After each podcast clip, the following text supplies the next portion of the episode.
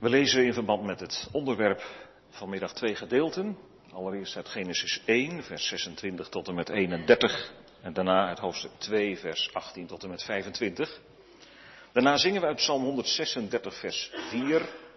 Looft Gods macht, die onbeperkt gadeloze wonderen werkt. En vers 26 geeft de God des hemels eer. Psalm 136, vers 4 en vers 26 nadat we gelezen hebben allereerst uit Genesis 1, vers 26 tot en met 31. En God zei, laten wij mensen maken naar ons beeld, naar onze gelijkenis. En laten zij heersen over de vissen van de zee, over de vogels in de lucht, over het vee, over heel de aarde en over al de kruipende dieren die over de aarde kruipen. En God schiep de mens naar zijn beeld. Naar het beeld van God schiep hij hem.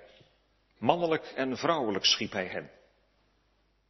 En God zegende hen en God zei tegen hen, wees vruchtbaar, word talrijk, vervul de aarde en onderwerp haar, en heers over de vissen van de zee, over de vogels in de lucht en over al de dieren die over de aarde kruipen.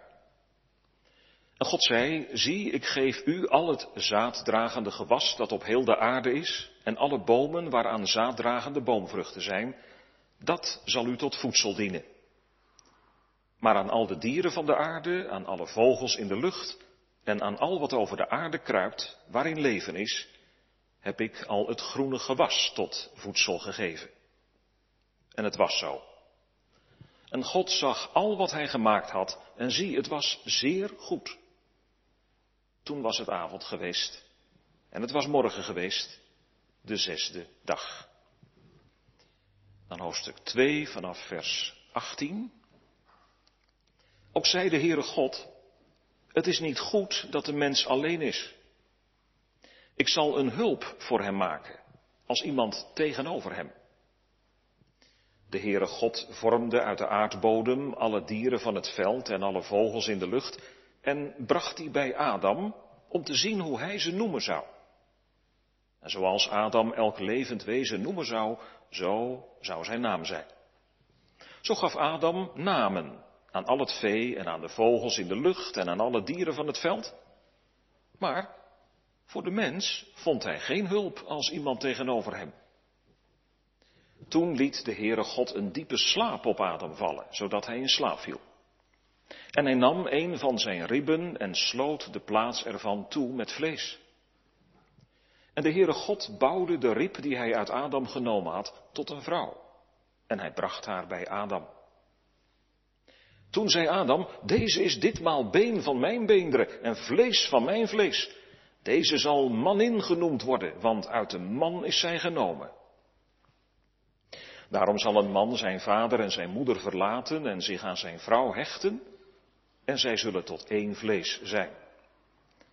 Zij waren beiden naakt, Adam en zijn vrouw, maar zij schaamden zich niet.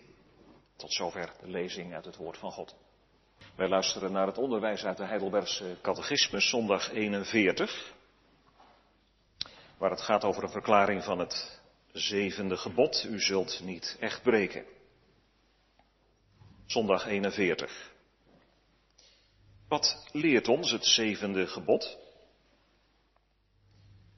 Het antwoord luidt dat alle onkuisheid door God vervloekt is. En dat wij daarom haar van harte vijand zijnde kuis en ingetogen leven moeten.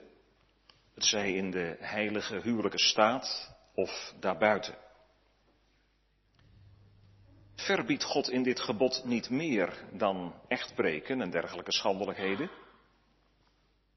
Het antwoord luidt, omdat ons lichaam en onze ziel tempels van de Heilige Geest zijn, zo wil Hij dat wij ze beide zuiver en heilig bewaren. Daarom verbiedt Hij alle onkuise daden, gebaren, woorden, gedachten, lusten en wat de mens daartoe trekken kan. Tot zover.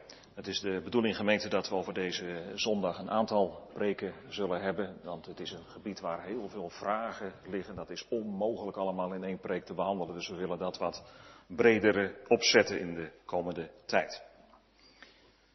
Gemeenteres heren, begeven we ons eigenlijk niet een beetje op glad ijs als we in een serie preken wat uitgebreider aandacht willen geven aan het huwelijk, aan relaties, aan seksualiteit en aan allerlei dingen die daarmee samenhangen. Het zou wel eens kunnen zijn dat we in de kerk dat al te lang gezien hebben als een hachelijke onderneming. Iets wat buiten het evangelie staat. Of hoogstens zich aan de rand daarvan bevindt. En dat is jammer. Dat is ook onjuist. Want Gods woord spreekt er op vele bladzijden over. En dat niet alleen maar op een negatieve manier. Nee, voor alles op een positieve manier. Het zevende gebod, laten we dat niet vergeten, komt aan de orde in het deel over de dankbaarheid. Wie echt door Gods genade in beginsel van zijn zonden verlost werd, die zal ook hier vragen. Heren, hoe ziet u deze dingen? Wat wilt u dat ik doen zal, dat wij doen zullen? Daarmee eren we hem als de leidsman van ons leven. Wij begeven ons dus niet op glad ijs, maar op bijbelse grond. We willen vanmiddag dat woord laten spreken en dan inzetten bij het positieve begin. Het thema is man en vrouw in de lichtkring van Gods schepping. Twee gedachten. Als man en vrouw door God geschapen en als man en vrouw aan elkaar geschonken. Dus man en vrouw in de lichtkring van Gods schepping, als man en vrouw door God geschapen en als man en vrouw aan elkaar geschonken. En het is goed, zou ik zeggen, dat u uw Bijbeltje erbij houdt bij Genesis 1 en 2, want daar gaan we regelmatig naar kijken.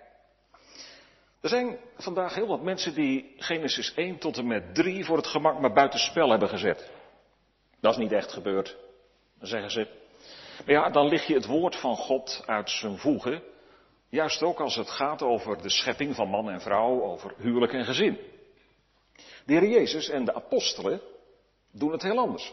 Als ze spreken over man en vrouw, over huwelijk en echtscheiding en over alles wat daarmee samenhangt, dan grijpen ze steeds met nadruk terug op de schepping. Op wat God gegeven heeft in het begin, zoals dat dan ook genoemd wordt. En in dat spoor zullen ook wij moeten gaan en willen gaan als we werkelijk leerlingen van Christus zijn geworden. We beleiden dat de Heer in zes dagen de, Heer, de hemel en de aarde geschapen heeft.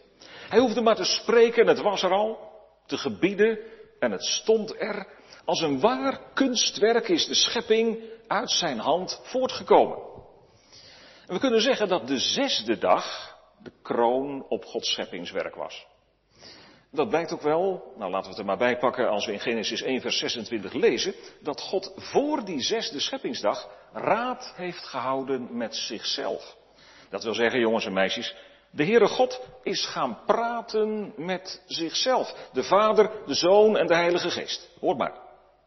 En God zei, laten wij mensen maken naar ons beeld, naar onze gelijkenis. Dat, dat is dus een samenspreking van de Vader, de Zoon en de Heilige Geest. En dat geeft wel aan dat er op deze dag iets bijzonders gaat gebeuren. De schepping van de mens. En die mens, die krijgt een duizelingwekkend hoge positie. We hebben ervan gezongen, uit, uit Psalm 8. God heeft die mens weinig minder gemaakt dan de engelen en heeft hem met eer en glorie gekroond. In Genesis 1 wordt alleen maar van de mens gezegd dat hij naar Gods beeld en gelijkenis geschapen is. Dat is de mens naar Gods bedoeling. Hij lijkt op God. Zoals kinderen op hun ouders kunnen lijken.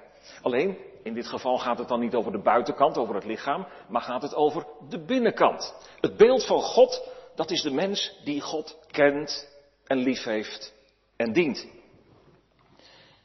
En welke opdracht krijgen Adam en Eva? Overigens heten ze pas in Genesis 3 Eva, maar goed, laten we voor het gemak maar zeggen Adam en Eva. Ze mogen stadhouders van God zijn. Laten zij heersen over de vissen van de zee, over de vogels in de lucht, over het vee, over heel de aarde en over al de kruipende dieren die over de aarde kruipen. Op die manier zullen de mensen naar God verwijzen en Hem weerspiegelen. En dan nog iets. God schept de mens als mens die in relaties wordt gesteld. Het is niet goed dat hij alleen is. Hij wordt aangelegd op de ander met een hoofdletter, God zelf. En op de ander met een kleine letter, de naaste.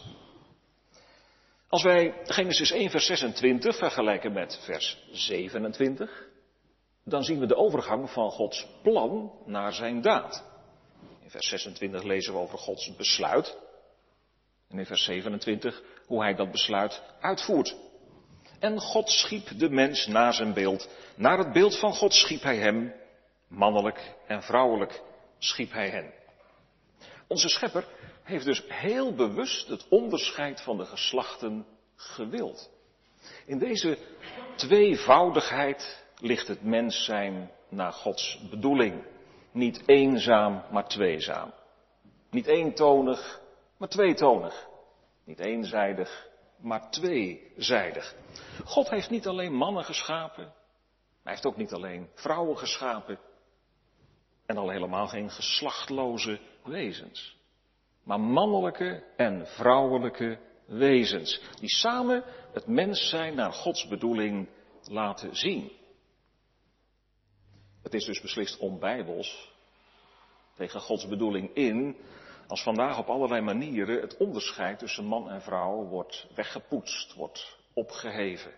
Of dat je, onder invloed van de LHBTI-beweging, je genderidentiteit mag loskoppelen van je biologische geslacht als een keus. Dus niet hoe ik lichamelijk in elkaar zit is bepalend, maar hoe ik mijn geslacht beleef. Ook al ben ik man ik mag mijzelf beleven als vrouw.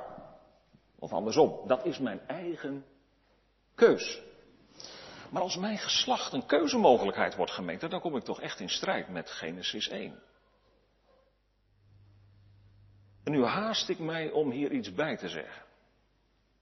Want tegelijk weten wij dat hier grote vragen liggen.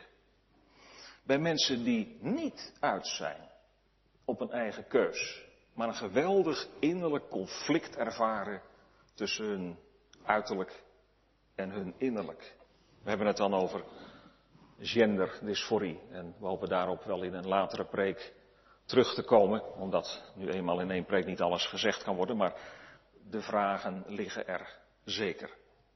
Vanmiddag beperken we ons tot de inzet van de schepper toen hij man en vrouw schiep. De schepper zorgde voor de tweeheid van man en vrouw. Ze vullen elkaar aan, ze hebben elkaar nodig. En let wel gemeente, nu hebben we het nog niet zozeer over het huwelijk, maar over de verhouding van mannen en vrouwen in het algemeen. Je zou kunnen zeggen, ze vullen elkaar aan als, als twee gepaarde schelpen. Ze zijn op een volkomen gelijkwaardige manier samen mens. We lezen een vers verder, vers 28. En God zegende hen, en God zei tegen hen, wees vruchtbaar, word talrijk, vervul de aarde en onderwerp haar, en heers over de vissen van de zee, over de vogels in de lucht, en over al de dieren die over de aarde kruipen. Zo plaatst God dus de mens onder zijn zegen en onder zijn opdracht. En die opdracht is onder andere de aarde vervullen via de voortplanting.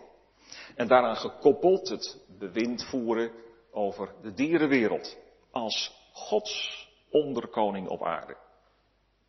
En voor de vervulling van die opdracht hebben man en vrouw elkaar nodig. En ze hebben ook elkaar nodig om de zegen van de schepper te kunnen beleven. Aan man en vrouw samen heeft de Heer de mogelijkheid gegeven om zich voort te planten. De gemeente, ik spreek hier uiteraard nog over de oorspronkelijke schepping. En nog niet over de verstoring en over de gebrokenheid die door de zondeval in dit opzicht gekomen is. Ook de opdracht om het bewind te kunnen voeren over de dierenwereld, ook daarin kunnen man en vrouw alleen samen die taak vervullen. Samen hebben ze de roeping om stadhouder van God op aarde te zijn in verantwoordelijkheid tegenover Hem. En we leggen er nu er even de vinger bij gemeente dat de Heer al voor de zondeval de voortplanting heeft aangewezen als de manier waarop het menselijk geslacht zou worden uitgebreid. De seksuele omgang tussen man en vrouw is dus op zichzelf genomen iets wat helemaal niet vies of verkeerd of raar of zelfs dierlijk is. De eerste bladzijden van de Bijbel leren het ons grondig af om de zonde te zoeken in het seksuele leven op zich. Integendeel, seksualiteit is iets heel moois.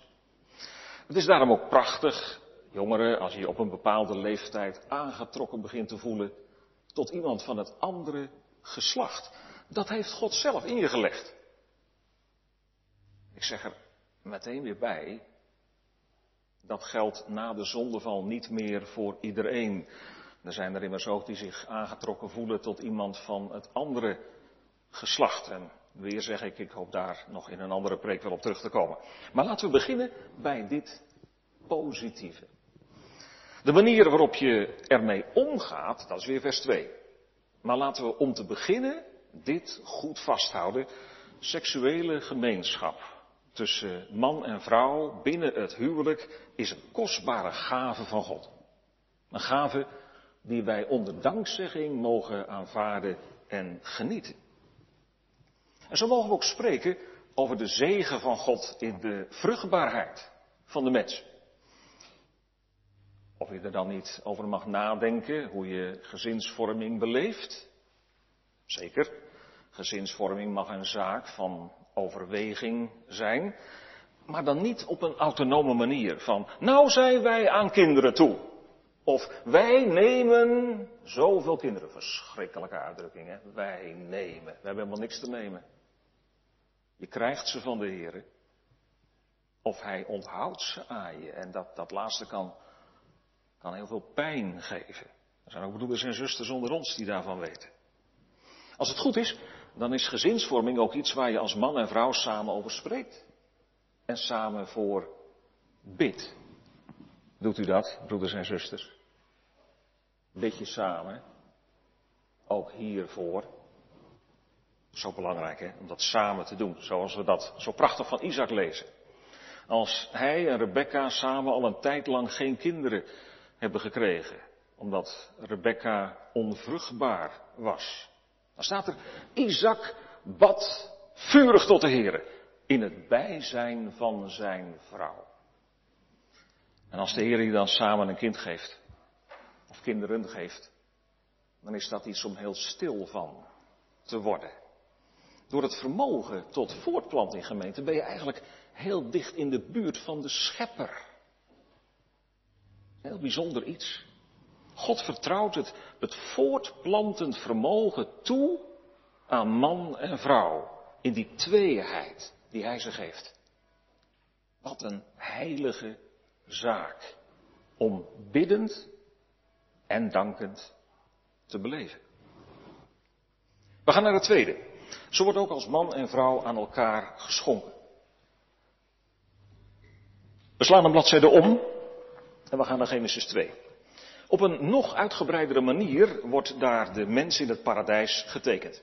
Hoe die door God geschapen is en in dat paradijs functioneert. Kijkt u maar, we lezen in Genesis 2, vers 18. Ook zei de Heere God, het is niet goed dat de mens alleen is. Ik zal een hulp voor hem maken als iemand tegenover hem. Je zou kunnen zeggen, nu wordt de foto van wat dichterbij genomen dan in Genesis 1. Dit is een soort, soort close-up, zou je kunnen zeggen.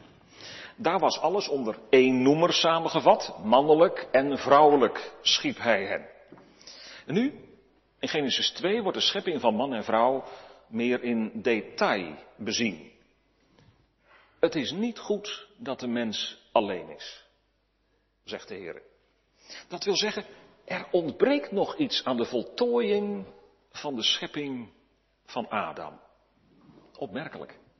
Terwijl alles wat God geschapen heeft zeer goed is, is er toch iets wat nog niet af is. En dat zal de Heer ongetwijfeld met opzet zo gedaan hebben.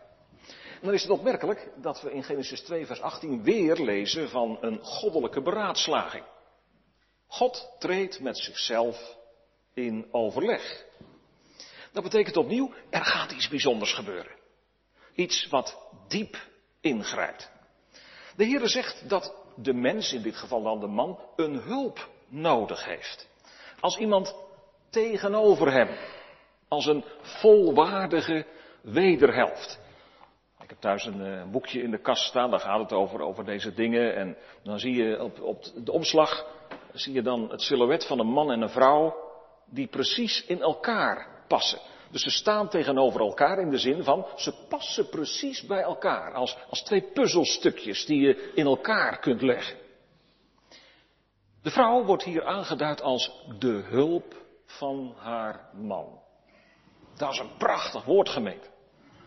Ja, ik weet het wel, daar wordt nogal eens de spot mee gedreven, omdat men de rijke bijbeltaal helaas niet meer begrijpt.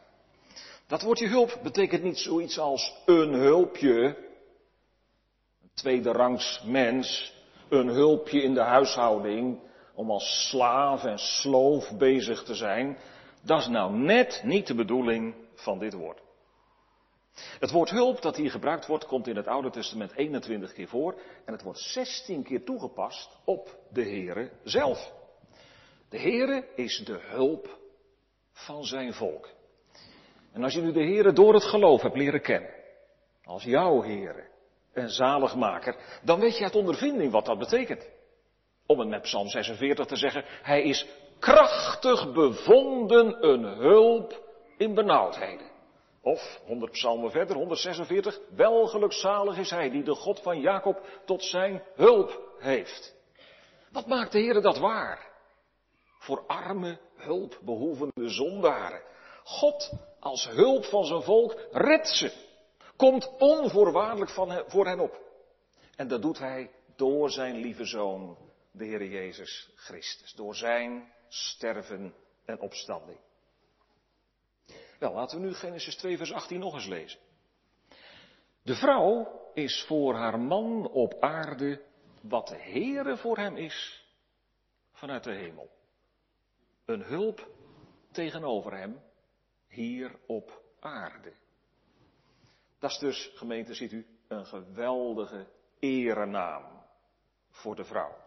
Een echt tegenover. Iemand die op gelijk niveau tegenover hem oprijst.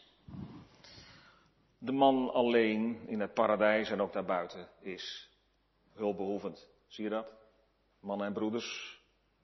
We kunnen wel zo stoer doen, hè. We denken dat wij zulke nou, macho's misschien zijn, hoe moet je het maar noemen. Maar we zijn niet zulke helden als wij ons soms voordoen. Wij hebben hulp nodig. We zijn hulpbehoevend. En opnieuw wordt Gods besluit in daden omgezet. De Heere wekt zelf bij Adam het besef dat hij een levensgezellin, een, laten we het zo zeggen, een maatje nodig heeft. Nou, kijk eens jongens en meisjes, daar komen de dieren, zij aan zij, naar Adam toe. En hij mag ze een naam geven. Leeuw en leeuwin. Beer en berin. En gaan we door. Maar ineens merkt hij, al die dieren die zijn met z'n tweetjes. En ik ben maar alleen. Adam voelt een gemis. En dan laat de Heere God een diepe slaap op Adam vallen. We zouden bijna zeggen, hij, hij brengt Adam onder narcose. En dan gaat de Heer een operatie uitvoeren. Hij maakt uiterst zorgvuldig een vrouw uit een rib, uit de zij van Adam. Om een beeld te gebruiken, je zou Adam kunnen, kunnen vergelijken met een huis dat uitgebouwd wordt. Je kent dat wel, hè? je bouwt er een stuk aan om meer ruimte te creëren. En zo bouwt de Heere Eva uit Adam. Niet als, als twee huizen naast elkaar, en zelfs niet als twee onder één kap, maar de vrouw uit de man gebouwd. Het menselijk geslacht is wezenlijk één. Zoals Paulus dat later zegt, op in Athene, God maakte uit één bloed het hele menselijke geslacht. Genomen uit een rib, uit een zij. Een Joodse rabbijn heeft het heel mooi eens een keer zo gezegd, en u hebt dat misschien wel eens vaker gehoord. De vrouw werd geboren uit Adams zij. Niet uit zijn hoofd, om zich boven hem te verheffen. Niet uit zijn voeten, om door hem vertreden te worden, maar uit zijn zij, om zijns gelijke te zijn. Onder zijn arm, om door hem beschermd te worden. En nabij zijn hart, om door hem bemind te worden. Zo voltooit God het bouwwerk van de mens. En wat doet de bouwmeester dan? Dan wordt hij met eerbied gesproken ook nog eens bruidsjonker. En hij bracht haar bij Adam. God zelf sluit het huwelijk. Eigenhandig brengt hij man en vrouw bij elkaar. Worden alle huwelijken in de hemel gesloten? Ja, in die zin wel, ja. Zo beleiden we trouwens nog steeds in de kerk. Als een man en een vrouw op een trouwdag geknield op de knielbank liggen, dan bidden we als gemeente voor hen. Barmhartige God en Vader, die deze bruidegom en bruid tot elkaar gebracht en door de band van het huwelijk verenigd hebt. Getrouwde broeders en zusters, zien wij dat wonder nog steeds.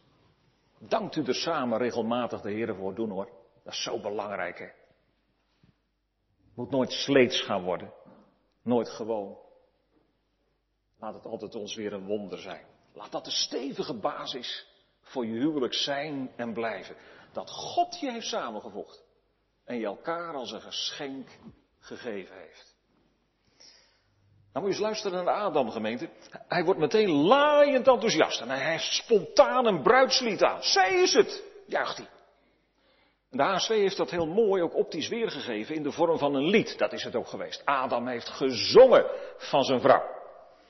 Nou, dat kun je ook hebben als je als jongen en meisje verkering hebt, je, eh, hebt en je bent helemaal stapel op elkaar. De tijd van de eerste liefde. Hij, zij is het. Helemaal. Geen ander. Zeg broeders, zeg je dat ook nog wel eens?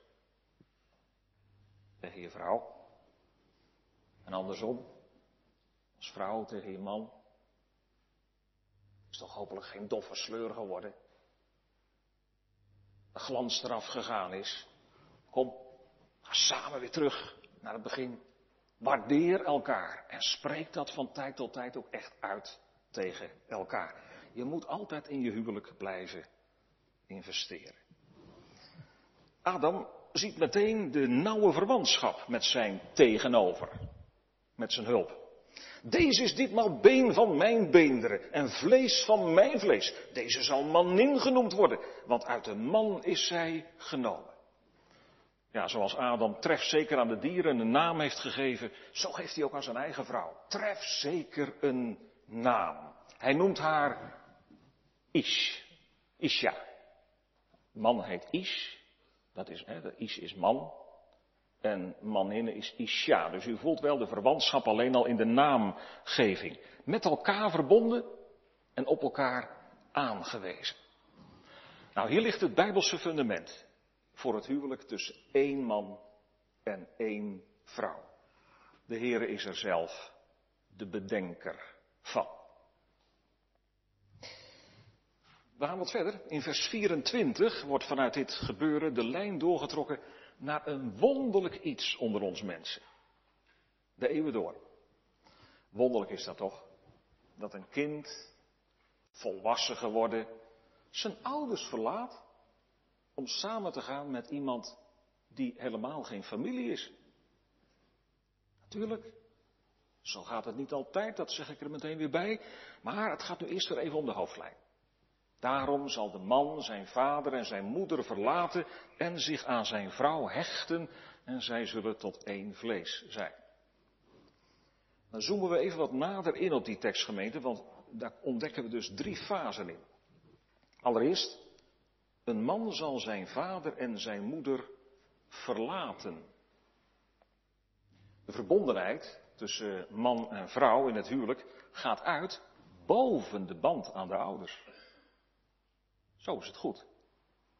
Zo heeft de Heer het bedoeld. Ouders, Daarom moet je je kind nooit krampachtig willen vasthouden.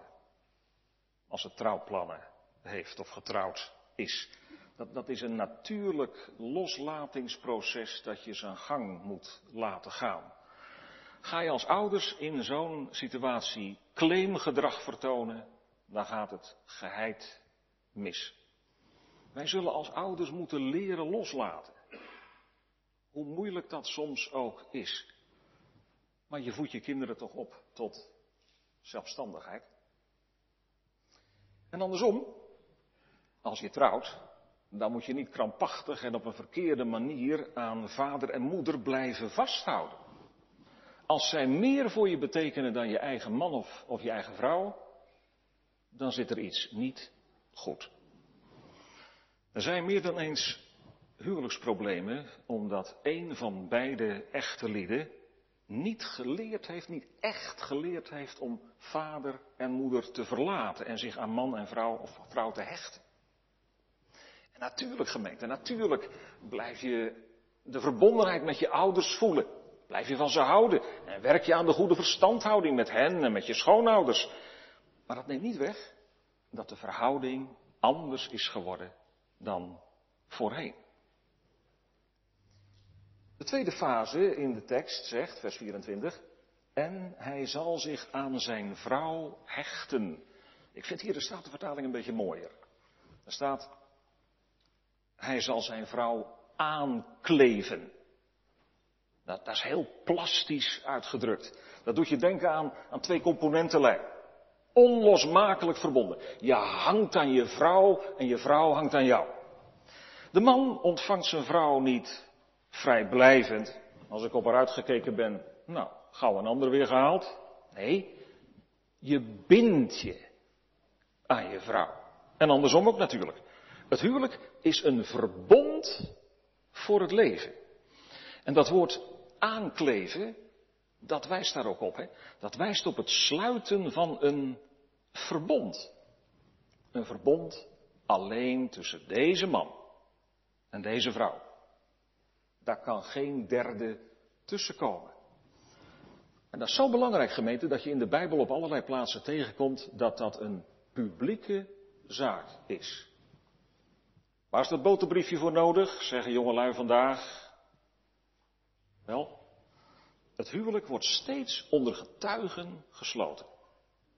Zo'n hoge zaak is het huwelijk dat familie, kerk en samenleving daarmee te maken hebben. Daarom geen ongehuwd samenwonen, maar een publiek verbond. En dan blijkt ook in deze tekst dat het huwelijksverbond iets is waar je met huid en haar, met ziel en lichaam bij betrokken bent. Dat is de derde fase. Kijk maar. En zij zullen tot één vlees zijn. Er komt een allesomvattende levensgemeenschap tot stand. Een, een verstrengeling van twee levens.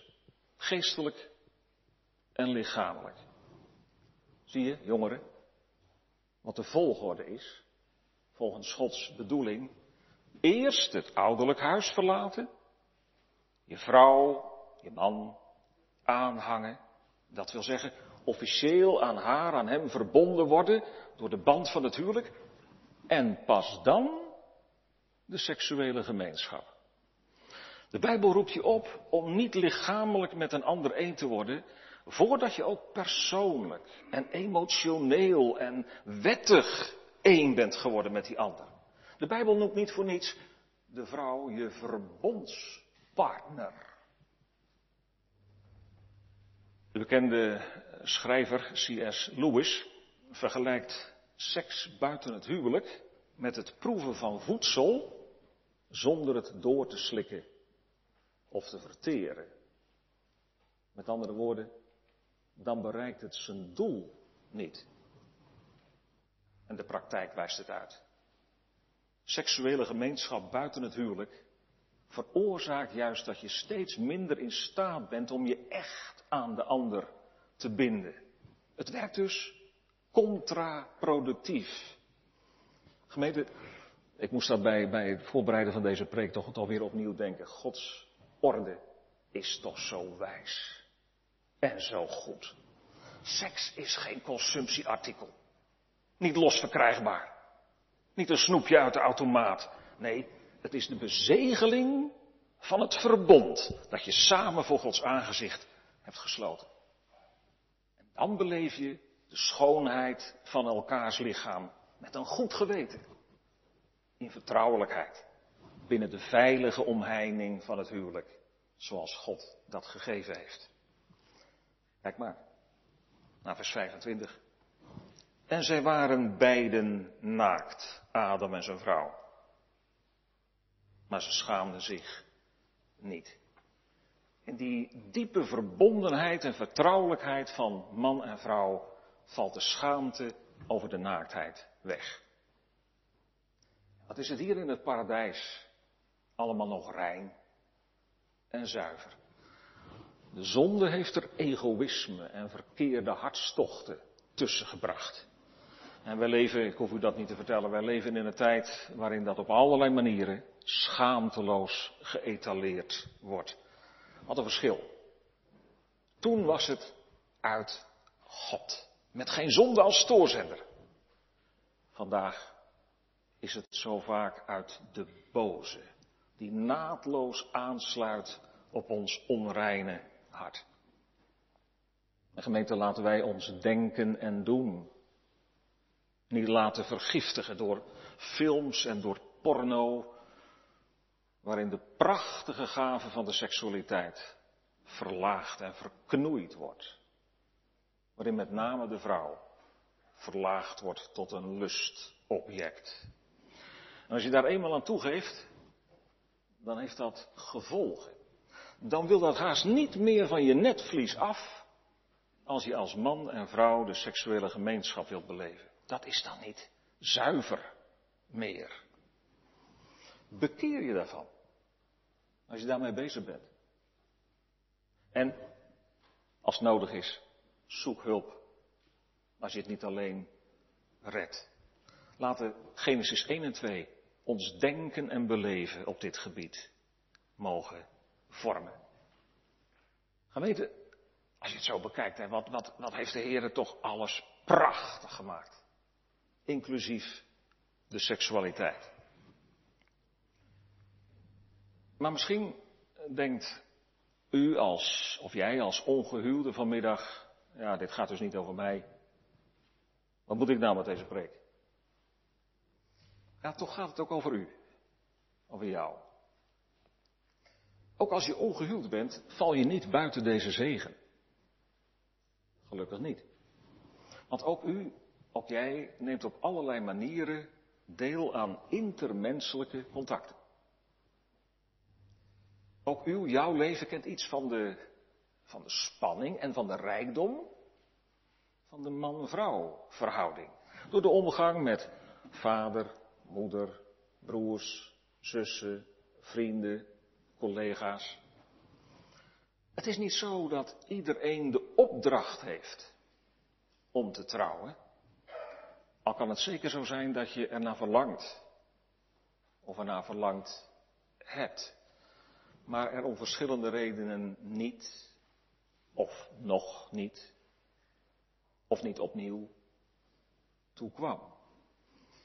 Wat kunnen hier soms ook een, een persoonlijke levensvragen liggen waar weinig anderen van weten. Misschien dat de Heer er alleen van weet. Terwijl anderen je soms met hun opmerkingen kunnen raken en kwetsen. Bijvoorbeeld, zo, nog steeds niet aan de man, aan de vrouw. Wordt al langzamerhand wel een keer tijd. Dat soort opmerkingen. Heer weet ervan. En wij mogen ook onze noden en verlangens. En soms ook pijn. Aan hem vertellen. Eén ding is vanuit de Bijbel duidelijk. Een ongehuwde en alleengaande is niet een buitensporig mens of een zielig geval, maar iemand die een volwaardige taak en plaats heeft, ook binnen de gemeente van Christus. U die weduwe of weduwnaar bent, en ook u die gescheiden bent, U zult een hoofdstuk als Genesis 1 en ook Genesis 2 met een mengeling van gevoelens lezen. Bij u werd het bruiloftslied afgebroken. Zo groot als eens het geluk was, zo diep is nu je verdriet.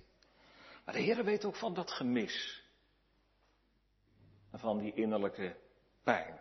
Hij wil in uw nood voorzien. Ook door mensen. Die hij op uw levensweg plaatst. Die een echte naaste voor u zijn.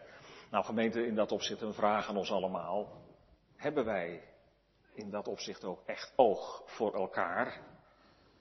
Of mijden wij het contact met iemand die gescheiden is, zoals ik het soms nog wel eens hoor? Of beloofden wij bij die begrafenis hem of haar die alleen achterbleef op te zoeken, maar deden we dat niet? De praktische brief van Jacobus zegt het zo. De zuivere en onbevlekte godsdienst voor God en de Vader is dit. Weduwen en wezen bezoeken in hun verdrukking. En zeker, en daar willen we mee eindigen, de Heer wil ook rechtstreeks in hun nood voorzien. Door zijn nabijheid die sterkt en die leidt, die troost in de eenzaamheid. De Heere, de hulp van zijn volk in de Heer Jezus Christus. Die zelf in de diepste eenzaamheid onderging om zondaren te kunnen terugbrengen in de gemeenschap met God, maar ook met de naasten. En gezegend zijn we als we in vreugde en verdriet daar iets van beleven. De Heer ziet dan in gunst op ons neer. Want Hij is het die genadig uit de hoge ziet, die op zijn bijstand wacht. Amen.